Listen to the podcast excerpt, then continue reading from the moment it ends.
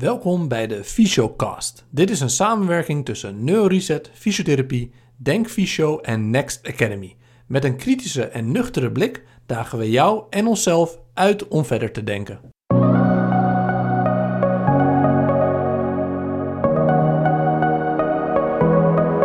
Welkom bij de Fysiocast Recap. In 10 minuten geven we jou een korte samenvatting van de podcast met Dr. Maarten van der List. Dr. van der List is orthopedisch chirurg en gespecialiseerd in de schouder. Daarnaast geeft Maarten regelmatig opleidingen aan fysiotherapeuten en master fysiotherapeuten. We wensen je heel veel luisterplezier en volg ons ook nog even op Instagram, at neuroreset-cpfysio, at denkfysio en at next academy.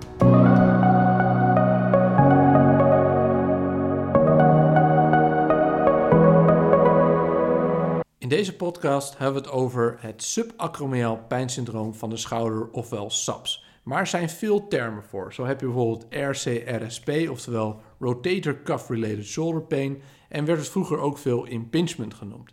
We vroegen daarom dokter Van der List wat hij nou de juiste Ja, ik, ik, ik, vind, het, ik vind het mooi. Hè? Ik vind SAPS een mooi woord. Supergrabe pijnsyndroom. Ik vind RCRSP, zoals het heet, hè? vind ik ook een onwijs mooi woord.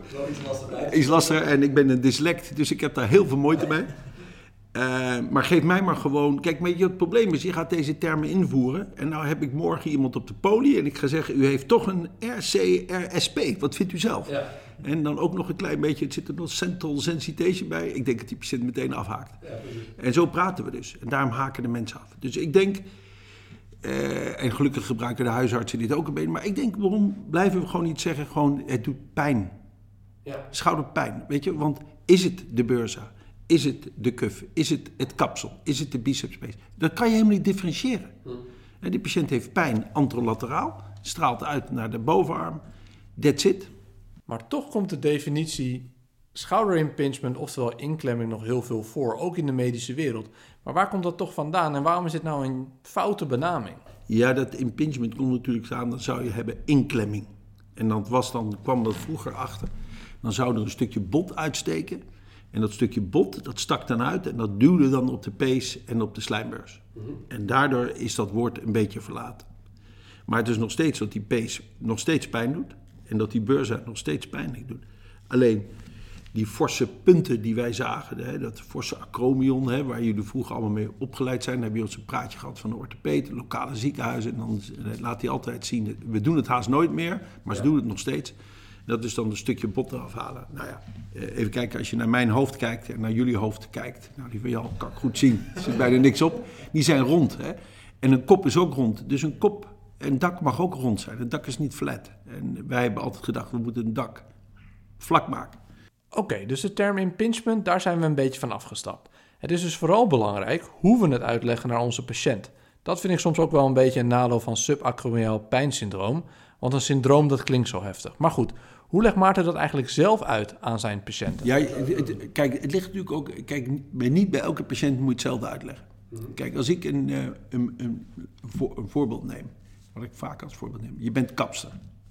En je staat de hele dag te knippen. En dat doe je dan ook nog als je net je eigen praktijk begonnen hebt. Doe je dat ook nog zes dagen per week. Van s morgens 8 tot s avonds 8. Hè. Dan ben je dus lekker hard aan het werk. En als jij dan je werk wil doen, dan ga jij eh, micro-movement doen. Hè? Dus je doet hele kleine bewegingen over dat haar. Je werkt een beetje bovenhands. En dan ga je je schouderblad schrap zetten. En het schouderblad wordt een beetje verstijfd, omdat zij de hele dag dat werk aan het doen is. En vroeger noemden we dat een duim, eh, zo'n computer. eh, ja. En van de ouderwetse kans. En dan had je ook dat die mensen s'avonds gaan volleyballen. En dan moeten ze een volledige range of motion hebben van dat hele gewricht om zijn volledige functie te krijgen. Want als je smash wil hebben, dan moet je je volledige gelenumerale functie hebben. Je moet je volledige scapula functie hebben. Om, en je volledige borstkast moet nog lekker meewerken. En dan kan je natuurlijk fantastisch smashen. Maar als je de hele dag daar stijf gewerkt hebt in, in, in die houding en je gaat s'avonds even slaan, dan moet dat wel goed loskomen. En daar zie ik meestal de meeste problemen komen. Omdat het schouderblad dan wat stijf wordt, doordat het niet beweegt. Maar je wil wel hoog daarna die bal slaan en dan loopt dat vast. SAPS wordt gedefinieerd door alle niet-traumatische, meestal unilaterale schouderklachten die leiden tot pijn. Het is vaak gelokaliseerd rondom het acromion met uitstraling rondom de bovenarm. En het verergert tijdens het heffen van de arm. Vaak is er ook geen mobiliteitsbeperking. Maar even over die pijn, want die is soms zeer wijs verspreid. Maar wat kunnen we zeggen over deze vorm van pijn? Pijn, maar even, ze, hebben, ze hebben onderzoek gedaan hè? En, eh, naar pijn.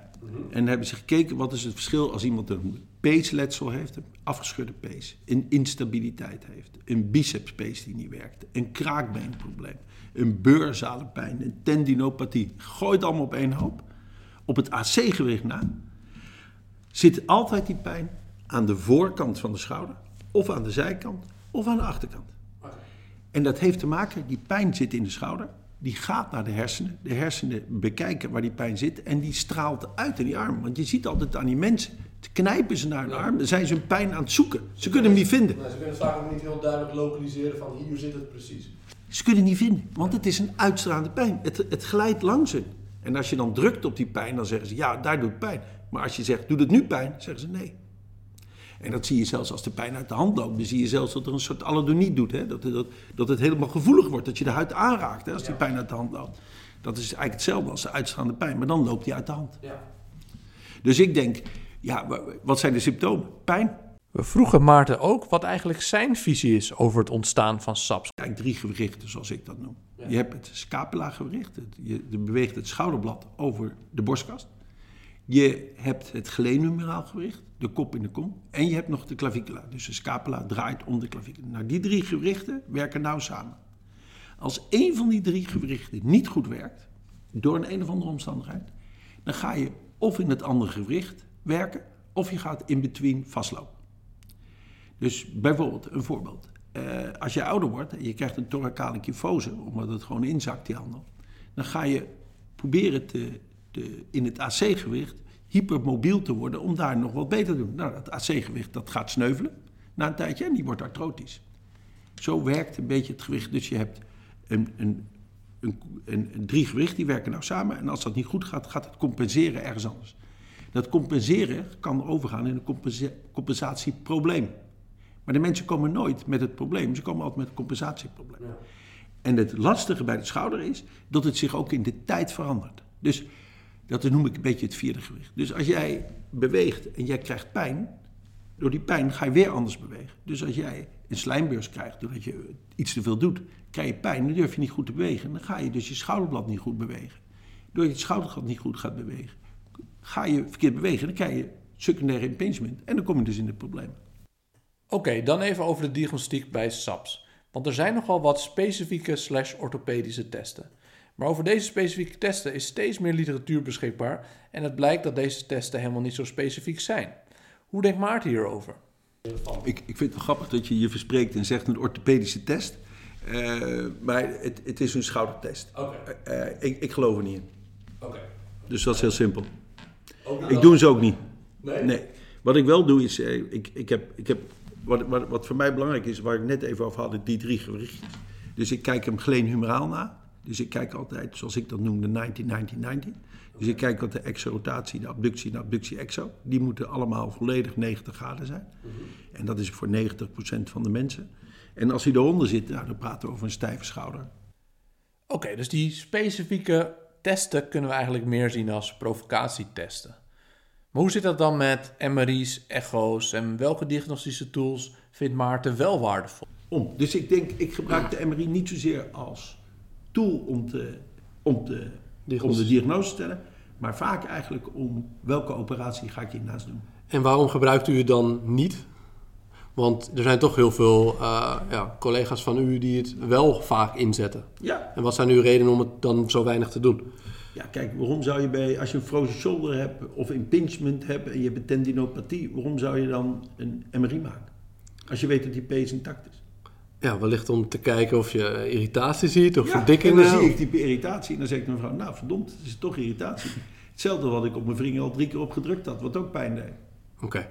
Dus het is een kwestie van, misschien als je wat jonger bent, dat je wat sneller een, een MRI maakt. Maar het maakt je niet altijd beter. Weet je wat het nadeel van de MRI weer is? Want je ziet er weer dingen op en dan moet je daar weer een discussie over hebben. Stel, even een mooie grap, is een, een MRI maken en dat doe je het ook nog met contrast. Stel dat je naar contrast en je ziet ineens een sleplesie waar die patiënt helemaal geen last van heeft. Hè? Dan moet je gaan uitleggen, u heeft een sleplesie, maar daar gaan we niks aan doen. Krijg de volgende discussie. Dus ik denk, Ja, je moet, je, als, als je gaat, hè, bijvoorbeeld als, als, als, als iemand een peescheur heeft. En heeft een echt een mooie peescheur. Dat merk je. Mooi. mooi. Ja, dat is ook mooi. En, en die man is 55 jaar, heeft een trauma gehad. Ja, dan maak ik een MRI om te kijken hoeveel is de retractie, teruggetrokken van die pees. Of is hij nu wel teruggetrokken? En is er veel atrofie? Is er vervetting van die pees, van die spier? Dan heeft het nog wel zin om te opereren of niet? Nou, dat zijn voor mij wel MRI waarom ik echt wel spannend vind wat we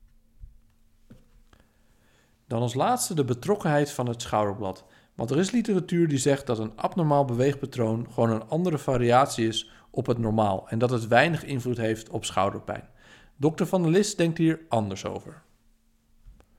De Hond heeft daar een mooi artikel over geschreven, samen met een paar anderen, die zijn net gepubliceerd. Uh, en die zeggen ook gewoon, ja weet je, de, ik, ik, ik denk dat wat zij zeggen is dat er gewoon, als je gewoon kijkt, statisch maakt natuurlijk geen bal uit hoe die schouder werkt. De schouder is een actieve werking. Maar ik denk wel dat het schouderblad twee dingen moet doen. Het schouderblad is, is de basis van de schouder, kop-kom. Dus, als, dus vroeger zei ik altijd, je moet zorgen dat de kop in de kom blijft. Dat moet je doen met spieren en kapsel. En nu zeg ik, nee, de kom moet de kop volgen. Dus een beetje wingen eh, is helemaal niet verkeerd. Want dat, als, als jij kracht, als jij een koffer optilt die zwaar is... en, en, en dat schouderblad zou er niet achter gaan staan... nou, dan supplexeert hij naar achter. Dus in principe is dat die schouder achter de kop gaat staan als er kracht ontwikkeld wordt, is heel mooi. Dat is. En ten tweede, het dak moet zich openen om de kop te ontvangen. Dus als jij een antiflexie doet, dan moet het dak van het acromion moet zich openen. En als hij zich niet opent, kan, kunnen de, de, de kop en de pezen er gewoon niet onder. Dit was een recap van de podcast van Dr. Maarten van der List over subacromiaal pijnsyndroom. Wil jij meer weten over dit onderwerp? Check dan de Fysiocast in de Spotify, SoundCloud of iTunes app.